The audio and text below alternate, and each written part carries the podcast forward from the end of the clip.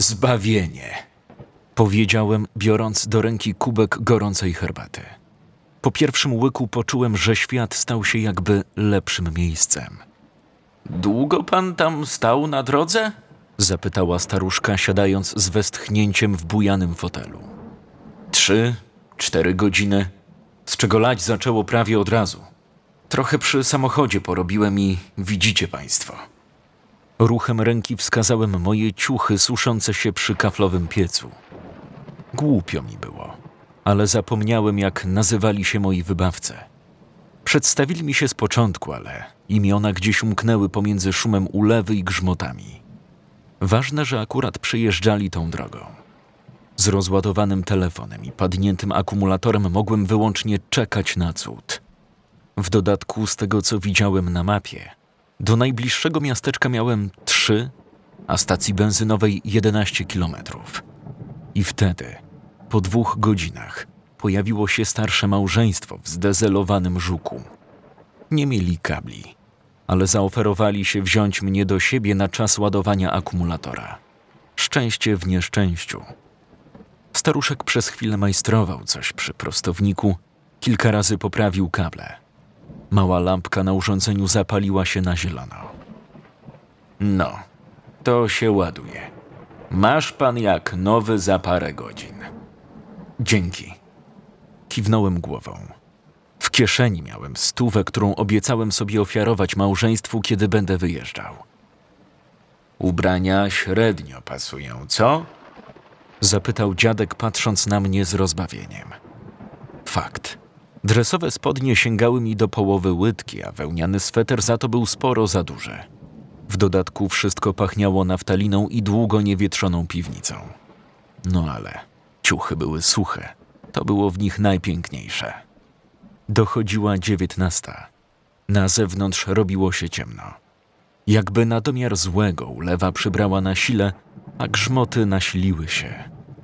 Domek moich gospodarzy był niewielki, parterowy. Mała kuchnia, nieco większy salon i sypialnia.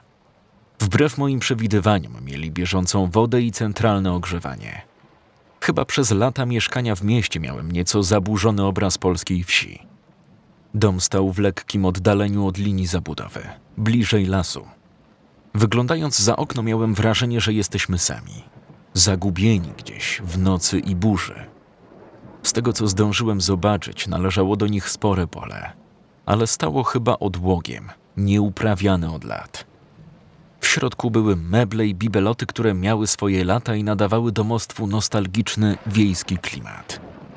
Wrażenie to psuł trochę stary telewizor, na którym prezenterka pogody ostrzegała właśnie przed nawałnicami. O, żeby samochodu panu nie zmyło. Zaśmiał się staruszek, upijając łyk herbaty. Prędzej zmyje niż ktoś ukradnie. Tam naprawdę tak mało jeżdżą? Kiwnął głową. Ten GPS pana poprowadził objazdem. I to dziwnym. Tamtą drogą prawie nikt nie jeździ. Jak zrobili tę nową, co na obwodnicę jedzie, to tym bardziej. Chłopaki z wioski czasem tam się ścigać jeżdżą. Jak któryś ojcu samochód gwizdnie.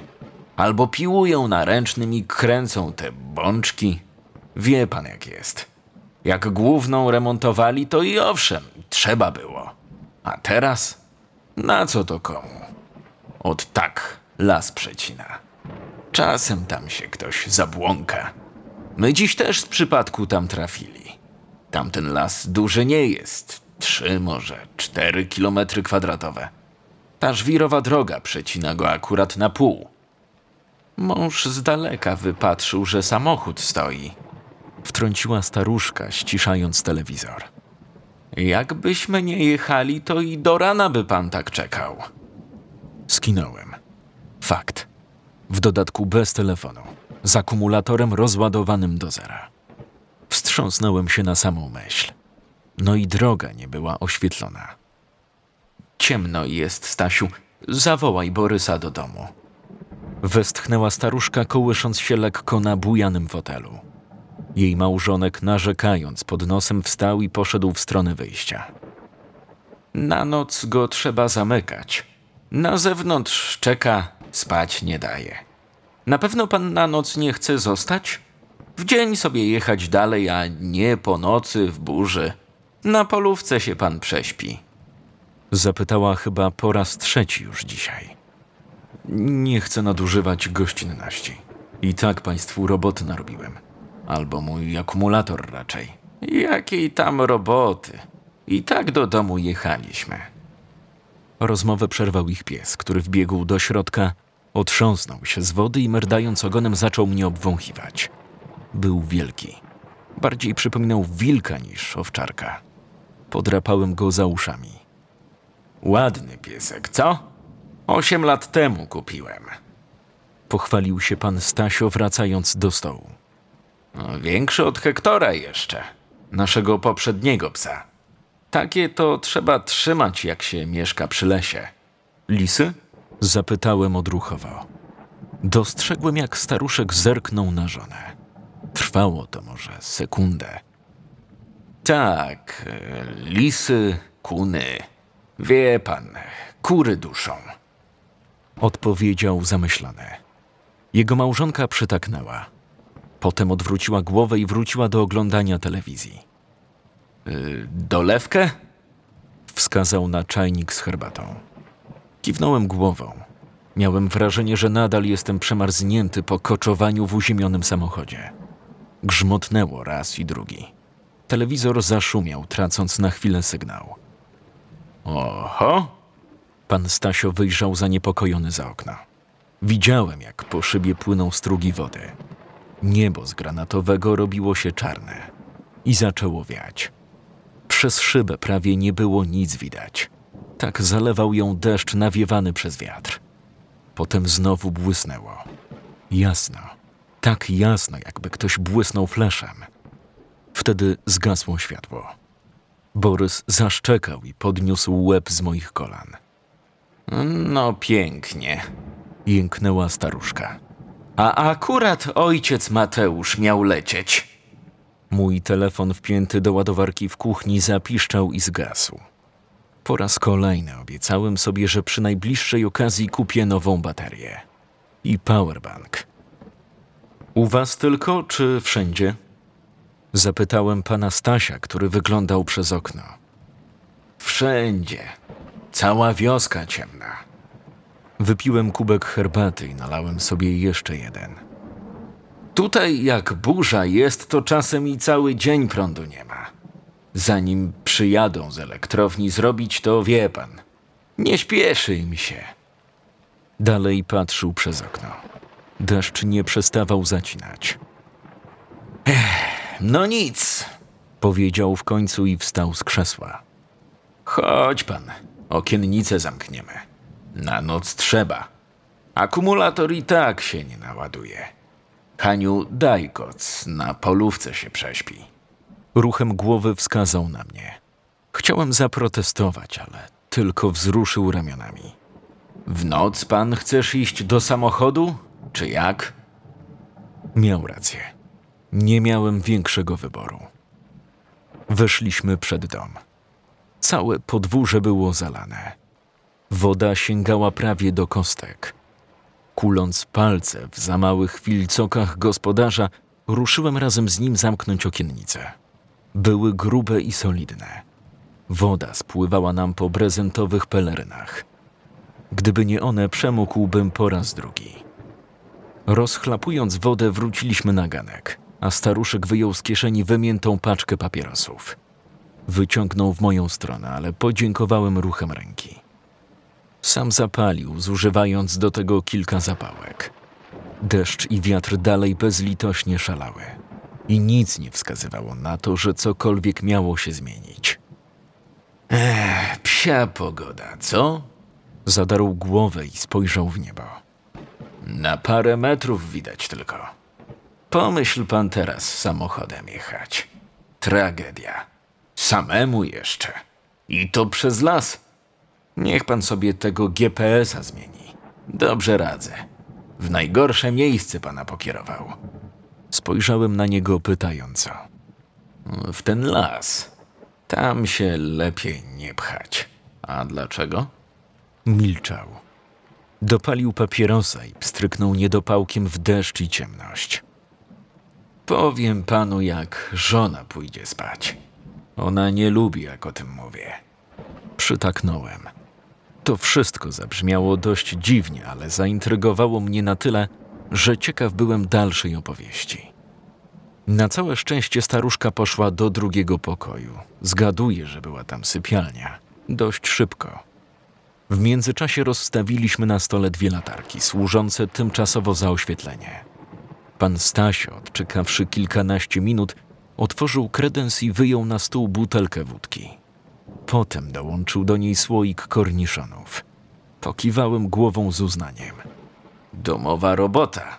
Nie żadne marketowe dziadostwo. Spróbuj pan. Wziąłem jednego. Faktycznie. Wyborne. Po lekko mętnym kolorze płynu w butelce po wyborowej zgadłem, że trunek również nie był marketowy. Uśmiechnąłem się sam do siebie. Jeszcze kilka godzin temu jechałem na głupie sympozjum, a teraz w za dużym swetrze, siedząc na przymusowej agroturystyce.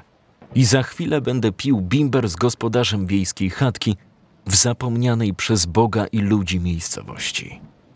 Swoją drogą nie pamiętam nawet jak się nazywa. Przebice? Przeginia? To zdrówko. Staruszek napełnił kieliszki. Tylko cicho, żeby żony nie budzić. Sen ma lekki. Wypiliśmy. Tak. Lokalne trunki rozgrzewały zdecydowanie lepiej niż herbata. Poza tym miałem dziwne wrażenie, że woltaż jest też znacznie wyższy niż 40%, o których mówił pan Stasio. Znowu błysnęło. Tym razem blisko, gdzieś koło domu. Na moment na podwórzu zrobiło się tak jasno, jakby ktoś włączył halogen. A tylko niech w chatę nie walnie. Mruknął staruszek, nalewając drugą kolejkę. Piorunochron niby mam, ale wie pan jak jest. Westchnąłem i z poczuciem obowiązku wypiłem drugą kolejkę. o lesie mi pan zaczął mówić. Przypomniałem. Gospodarz uciszył mnie ruchem dłoni. Wstał i na palcach podszedł do drzwi sypialni. Przyłożył do nich ucho i chwilę nasłuchiwał. Potem wrócił do stołu i starając się robić jak najmniej hałasu, usiadł na krześle. Ech, śpi już. To mogę opowiedzieć. Piekli się strasznie, jak słyszy tę historię. Nie ona jedna się tego lasu boi. Ten na przykład wskazał na Borysa. W ogóle tam chodzić nie chce. To znak chyba, co? Człowiekowi różne rzeczy się mogą zwidzieć, ale zwierzę naprawdę czuje, jak jakieś miejsce jest złe. Psy podobno martwych widzą. Tak się mówi. Martwych? No, tych, co zmarli, ale częściowo jakby zostali tutaj. Nieważne. Polał kolejkę. Ruchem dłoni dałem znak, że muszę poczekać. Zresztą nie o duchach mamy gadać. Poza tym ich nie ma. Znaczy nie takich jak w filmach. Ale ten las rośnie od wielu pokoleń. I tam dzieje się coś złego. Przygryzłem wargę, żeby się nie uśmiechnąć. Miałem wrażenie, że trafiłem do post-PRL-owskiego odcinka opowieści skrypty. Na dodatek ten brak prądu, burza. Gdyby nie fakt, że takie klimaty średnio mnie ruszały, mógłbym się naprawdę przestraszyć. Postanowiłem jednak niczego nie dać po sobie poznać i uprzejmie wysłuchać opowieści staruszka. Tym bardziej, że dzięki gospodarzom nie musiałem siedzieć teraz w samochodzie zalewanym przez potoki deszczu i modlić się o pomoc. Co? Że stary jestem i głupoty gadam? Dziadek spojrzał na mnie, jakby odczytując moje myśli. Myśl se pan, co chcesz. Ja swoje wiem. Od urodzenia tu mieszkam. Jak samochód zobaczyłem, to aż mnie zimny pot oblał. Myślałem, że coś się znowu stało. Ja stary jestem, słaby już. Obcych ludzi do domu raczej nie wpuszczam. Ale jak ktoś tam, na drodze albo w lesie, pomocy potrzebuje, nigdy nie odmówię. Wszyscy z wioski też. Milczałem. Zrobiło mi się trochę głupio, że w myślach zacząłem już wyśmiewać staruszka. Sam tam nigdy nie jeszcze. Dziś się tak złożyło. Hania lekarstw nie wzięła. Musiała szybko zastrzyk zrobić. To skróciłem drogę. Insulina. Nie wzięła, jak pojechaliśmy do miasta. Dlatego na pana wpadliśmy. Normalnie bym od strony Zagórek jechał. Ale nieważne. Na skróty się wybrałem. Poza tym w samochodzie Borys jeszcze wył. Wiesz pan, jaka jest zasada jeżdżenia przez tę drogę? Jak remontowali główną i nie dało się inaczej? Wcisnąć gaz do dechy i jak najszybciej. I Boże broń, żeby się zatrzymywać. Każdy we wiosce tak robił. Każdy o tym wiedział. Nikt o tym nie mówił. Ale to stare czasy, jak jeszcze trochę ludzi tu mieszkało. Jak nie wyjechali za chlebem. Teraz to wiesz pan. Osiem gospodarstw na krzyż. Ci zostali, co się tu urodzili. Wychowali, nie znają innego życia. Chciałem nalać sobie herbatę, ale z czajnika wyleciało tylko kilka kropel i trochę fusów. Pan Stasio ruchem ręki wskazał kuchenny stół z czajnikiem. Samoobsługa dzisiaj. Tylko cicho, żeby Hani nie obudzić. I zdrówko wcześniej. Wypiliśmy. Po raz kolejny utwierdziło mnie to w przekonaniu, że lokalny samogon rozgrzewa lepiej niż gorąca herbata. Po chwili wróciłem z czajnikiem, a mój gospodarz kontynuował historię. Kiedyś trochę inaczej było. Więcej ludzi na wiosce mieszkało. Dużo dzieci na wiosnę po lasach biegało. Rodzicom upilnować ciężko było. Sam tam na jagody chodziłem, albo na grzyby. Raz pobłądziłem i poszedłem do tamtego lasu. Tego od południa, co pana znaleźliśmy. On jest oddzielony z jednej strony rzeką, z drugiej mokradłami. Taki w kształcie prostokątu z grubsza. Ale o czym to ja? A, że pobłądziłem, raczej na skraju lasu. Z drogi mnie stara bazanowa wypatrzyła. Rowerem z cmentarza wracała. Za frak chwyciła i zaprowadziła do domu. Ojciec mi tak skórę wygarbował, że przez dwa dni siedzieć nie mogłem. Na sekundę wrócił prąd. Lampa pod sufitem zapaliła się, a potem znowu zgasła. Oho. Rano się akumulator naładuje. A jak dalej światła nie będzie, to pojedziemy do mechanika wieś obok. Kupisz pan sobie jakiś zdezelowany z odzysku.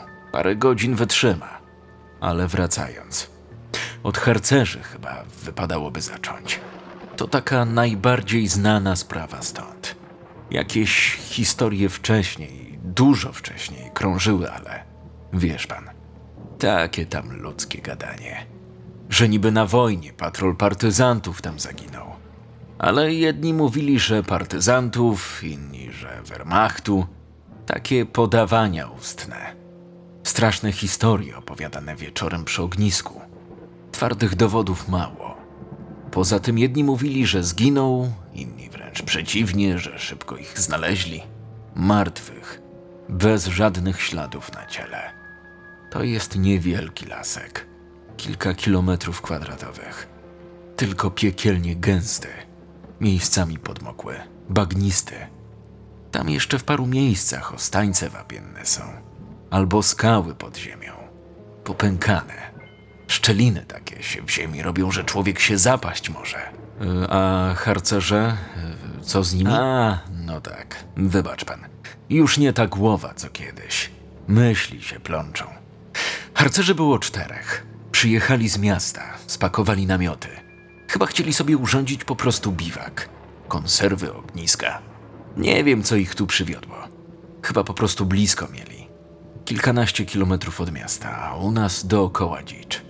Teraz są jeszcze harcerze, czy to już się w ogóle skończyło? Są, ale pewnie trochę inni niż pan zapamiętał. Teraz skarżą się, jak nie mają przy namiotach stołówki albo jak nie łapią Wi-Fi. Wi-Fi? Internet taki, do telefonu. Kiwnął głową, ale mimo to miałem wrażenie, że nie zrozumiał. Przyjechali we czterech. Kupili trochę jedzenia w sklepie i tyle ich było widać. Tylko ekspedientka ich widziała na oczy. Zresztą milicji to potem musiała zeznawać, bo właśnie od milicji się dowiedzieliśmy, że zaginęli. Po czterech dniach, odkąd przyjechali, zaniepokojone rodziny poszły na komendę, a tamci ustalili, że przyjechali właśnie do naszej wioski. Zresztą stary Madejski zeznał, że widział, jak wchodzą do tego lasu. Oczywiście była to bójda. Nic nie widział, o niczym nie wiedział. Ale było oczywiste dla nas, że te dzieciaki zaginęły właśnie tam. Zresztą, niedługo pan będzie wiedział czemu. Ludzie ze wsi pomogli szukać. Ja wtedy 20 lat miałem i nogę w gipsie. Na motorze wypadek. Nie mogłem im pomóc. Ale słyszałem, że ludzie chodzili grupkami w 5-6 osób. Myśliwi brali broń. Milicjanci mówili, żeby chodzić dwójkami, ale tamci, że nie, że się boją. Coś nawet się tam kłócili, że głupi ludzie ze wsi w bójdy wierzą. Ale nieważne. Namiot znaleźli szybko, rozsznurowany. W środku śpiwory, trochę konserw innych rzeczy. Przed namiotem zgaszone ognisko i ani śladu harcerzy. Psy mieli. Też się nie przydały. Trop złapały, ale tylko przy namiocie. Milicjanci znaleźli trochę kości w krzakach nieopodal, ale były stare i należały najpewniej do sarny. Przepadli jak kamień w wodę. Ludziom ze wsi to wystarczyło. Połowa poszukujących zwyczajnie wróciła do domów, mówiąc milicjantom, że nic tu po nich. Ojciec to matce opowiadał, stąd wiem. Ze trzy dni do lasu łaził, a potem jak wracał, to gadał przy kolacji. Nie słyszałem o tym nigdy. Dziwne. Przecież to się nie mogło rozejść bez echa. Cztery osoby? O, w gazetach dużo o tym nie było. Rozpisywali się o innych sprawach. 66 rok przecież. Kojarzysz pan Marchwickiego? Wampir z Zagłębia? Ta. O nim było głośno. Szczególnie, że zabił wtedy jakąś kuzynkę czy siostrzenicę Gomułki. O tych harcerzach dwie wzmianki może były. W dodatku w lokalnych gazetach. Gdzieś na ostatnich stronach. Wtedy inne czasy były. W lesie więcej zwierzyny. Milicjanci wyszli z założenia, że po prostu coś ich zaatakowało. Dzik czy może nawet wilki. Telefonów nie było przenośnych.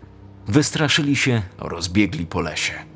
Tam bagna są, trochę skał wapiennych ze szczelinami, w które można wpaść. To już pan mówił. Tylko później mój ojciec znalazł coś dziwnego. Dodał ciszej, jakby mnie nie słysząc. Uniosłem brwi. Jak poszukiwania się zakończyły, wszyscy zapomnieli o sprawie.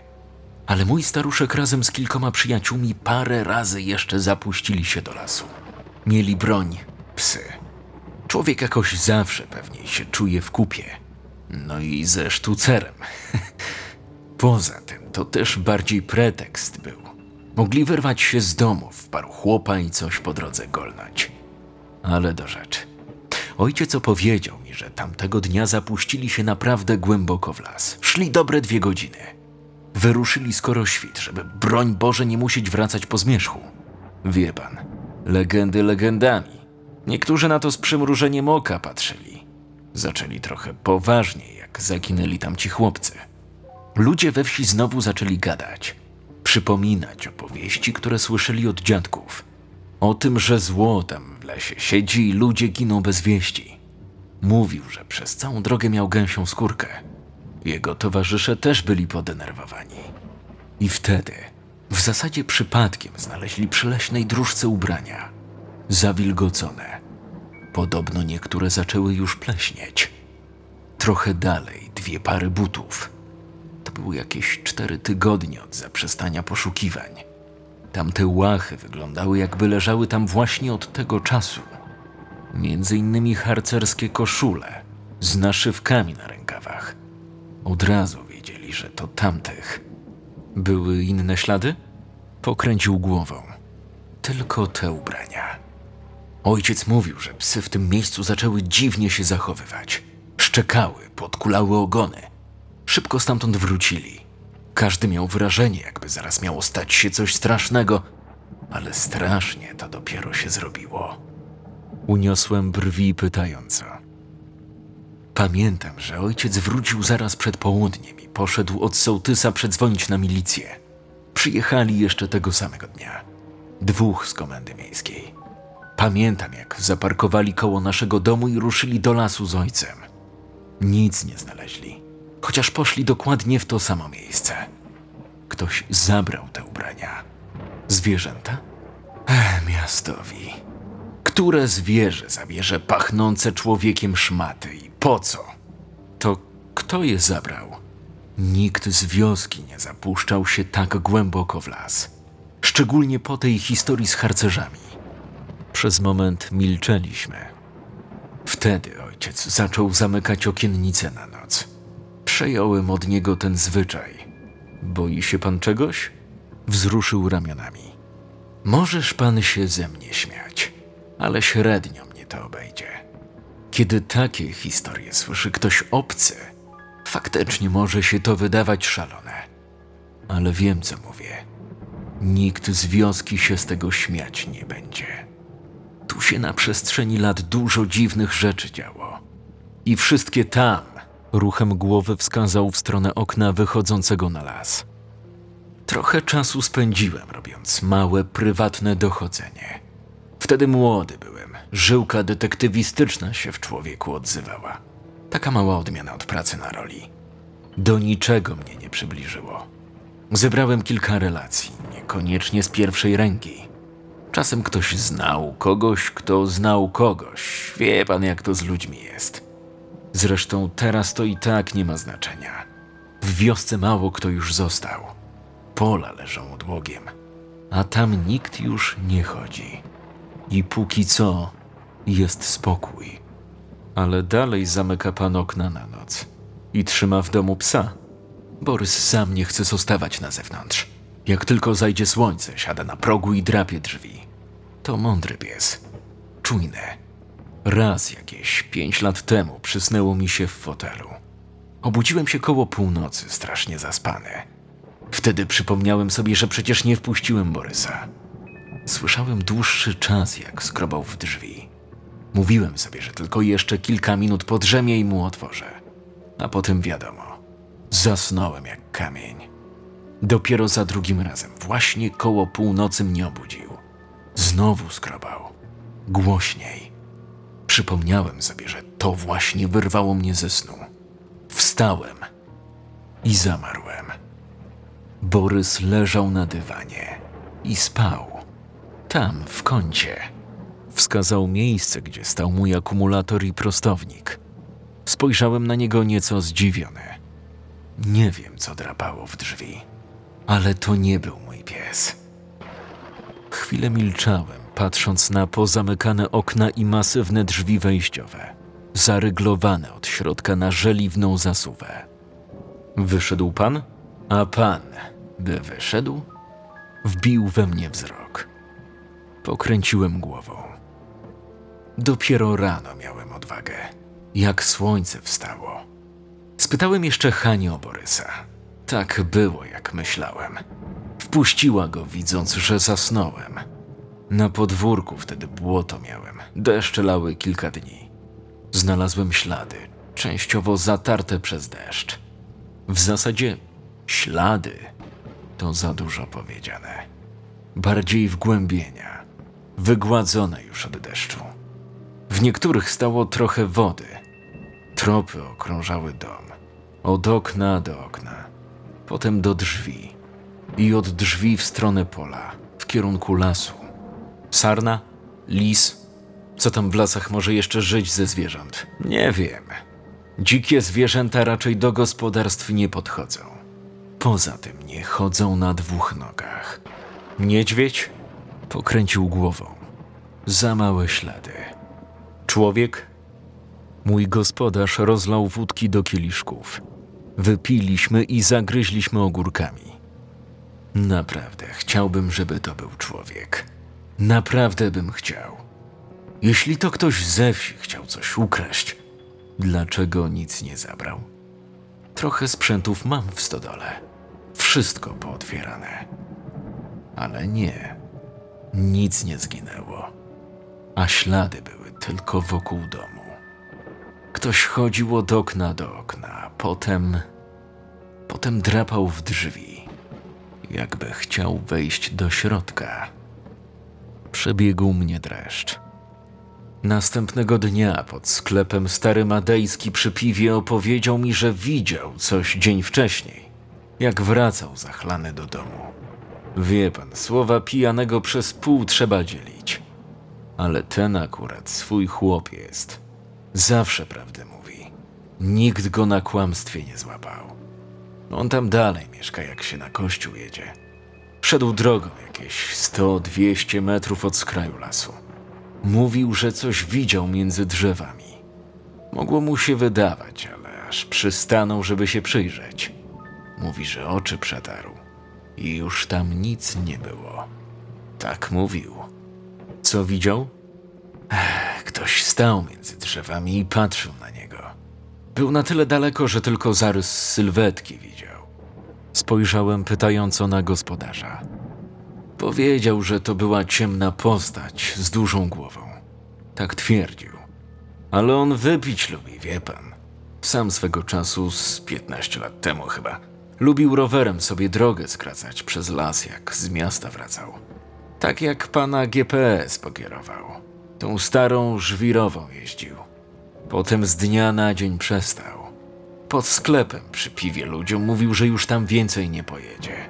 Że w lesie jest coś, jakieś diabelstwo i że nie chce go kusić.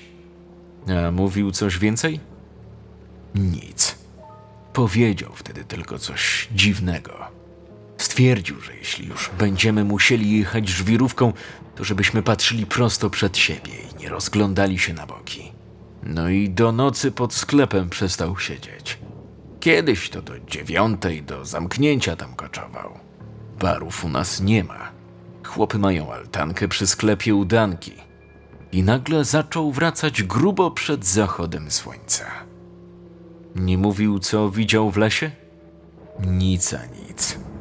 Parę razy próbowałem pociągnąć go za język, ale zbywał mnie półsłówkami. Potem syn ściągnął go do siebie do Irlandii.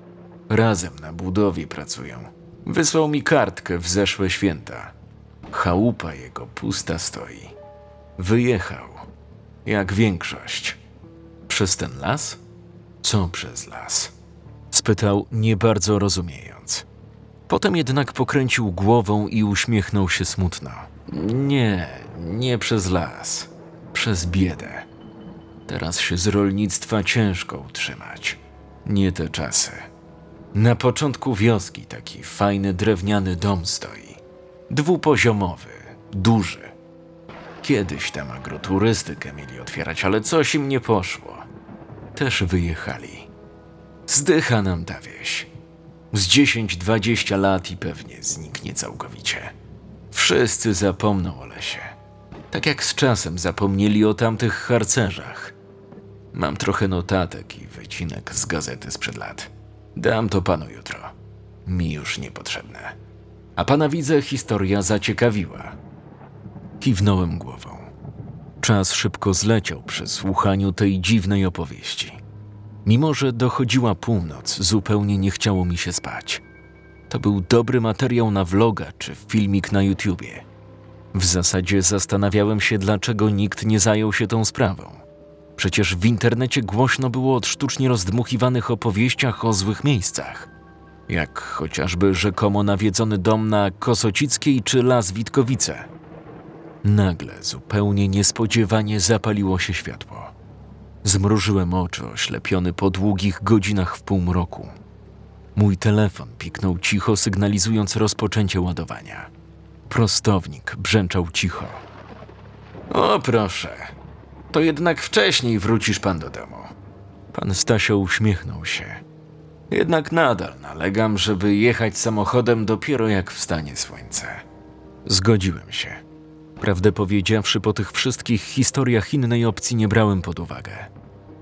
Ale co do tego lasu, myśli pan, że o co w tym chodzi? Mój gospodarz długo milczał. Potem ze stęknięciem wstał i podszedł do regału z książkami. Wyjął jedną. Tytuł nic mi nie mówił. To o zaginięciach w parkach narodowych w USA. Trójkąt oregoński, tak zwany.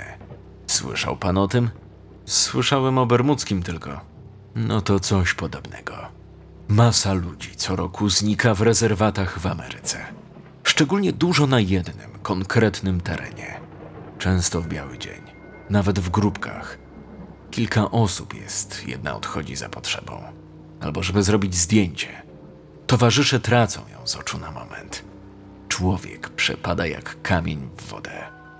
Tutaj akurat jest dużo śmiesznych teorii. O wielkiej stopie, indyjskich legendach, nawet UFO. Jak już na emeryturę przeszedłem i przestałem zajmować się rolą, dużo czasu miałem. To sobie człowiek czytał. Usiadł i napełnił kieliszki. Miałem tylko nadzieję, że przez te naście kilometrów drogi powrotnej nie natknę się na patrol drogówki. Tak czy siak, ile ludzi, tyle teorii. Moja jest taka, że w tym lesie jest coś dziwnego.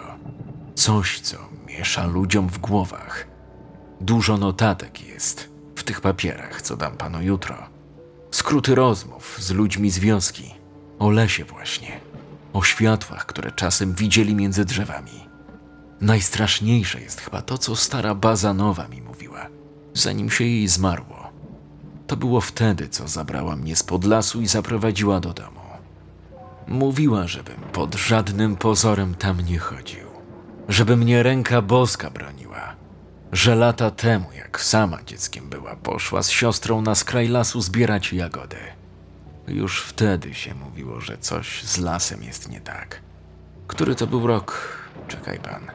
Jak ona dzieckiem była, to musiało być długo przed wojną. Dwudziesty któryś pewnie. Mówiła, że nagle rzuciły łubianki z jagodami i biegiem poleciały do domu. Bo ktoś z lasu zaczął je wołać. Po imieniu. I to nie był ludzki głos. Burza jakby ucichła. Kilka razy błysnęło. Widziałem przez szczeliny w okiennicach, ale grzmot dotarł z dużym opóźnieniem. I nawet się pan wyśpisz w spokoju. W kuchni za kredensem jest polowe łóżko i koc. Sam bym wyciągnął, ale kręgosłup. Spokojnie, poradzę sobie.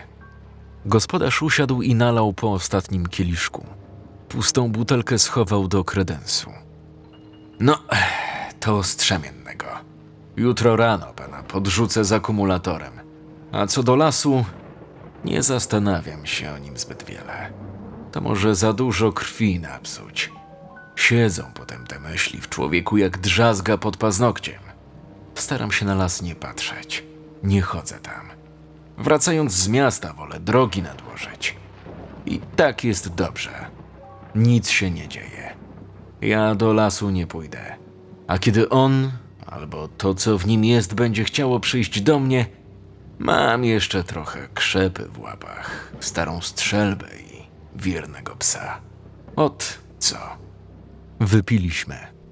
Potem rozłożyłem w niewielkiej kuchni polowe łóżko, a gospodarz podał mi rękę i poszedł do sypialni.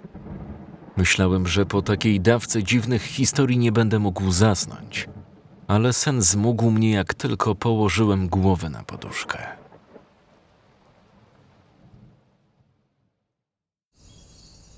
No to dzięki za pomoc, powiedziałem, dokręcając klamrę na elektrodzie. Usłyszałem, jak w środku samochodu włącza się radio, a światła awaryjne zaczęły mrugać z cichym cykaniem. Droga była jeszcze mokra po burzy, ale na niebie nie było żadnych chmur. Zapowiadał się piękny, słoneczny dzień. Pan Stasio stał obok przy swoim żuku. Borys biegał dookoła samochodu, merdając ogonem. W słońcu, przy bezchmurnym niebie, las dookoła wydawał się zaskakująco zwyczajny. Nie było w nim nic dziwnego i przerażającego.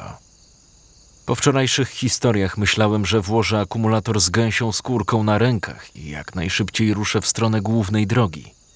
Tymczasem, wyspany, po sutym śniadaniu, którym uraczyli mnie gospodarze, czułem się przyjemnie rozleniwiony.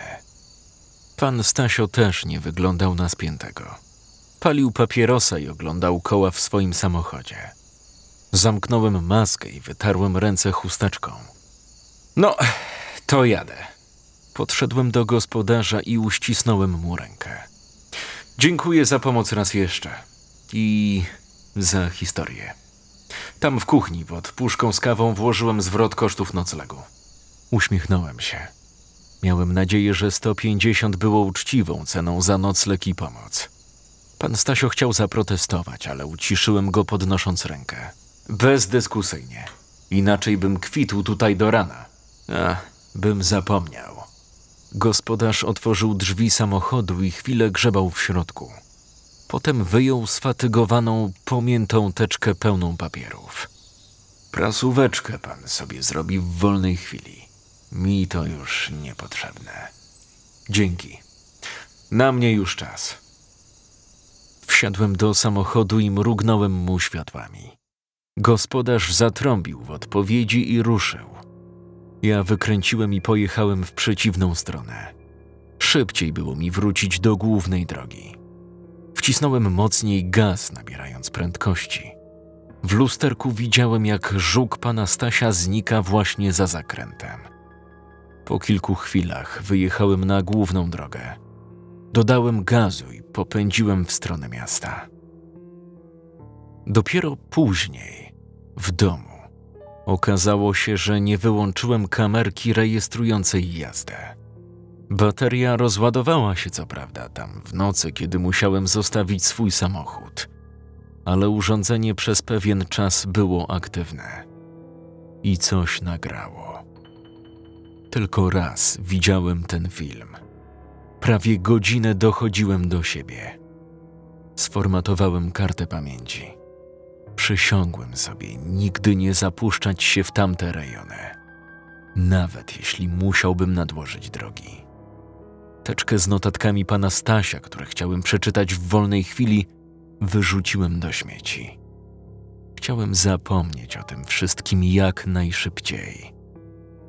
Nie wiem, jak nazwać to, co nagrała moja kamera. Nie wiem, co żyje w tamtych lasach. Nie wiem, co sprawia, że od lat ludzie boją się tam chodzić. Nie wiem. I chyba nie chcę wiedzieć.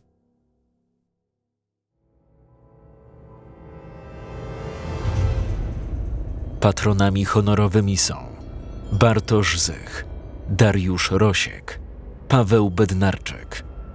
Patronami Mystery TV są Aleksandra Roszkiewicz, Sandra Polak, Noctua Corium, Adrian Miszczyk, Marcin Pielak, Bartosz Promiński, Powietrzny Potwór, Mateusz 2727. Opracowanie wersji dźwiękowej dla kanału Mystery TV Studiolektor.pl. Scenariusz Marcin Młynarczyk.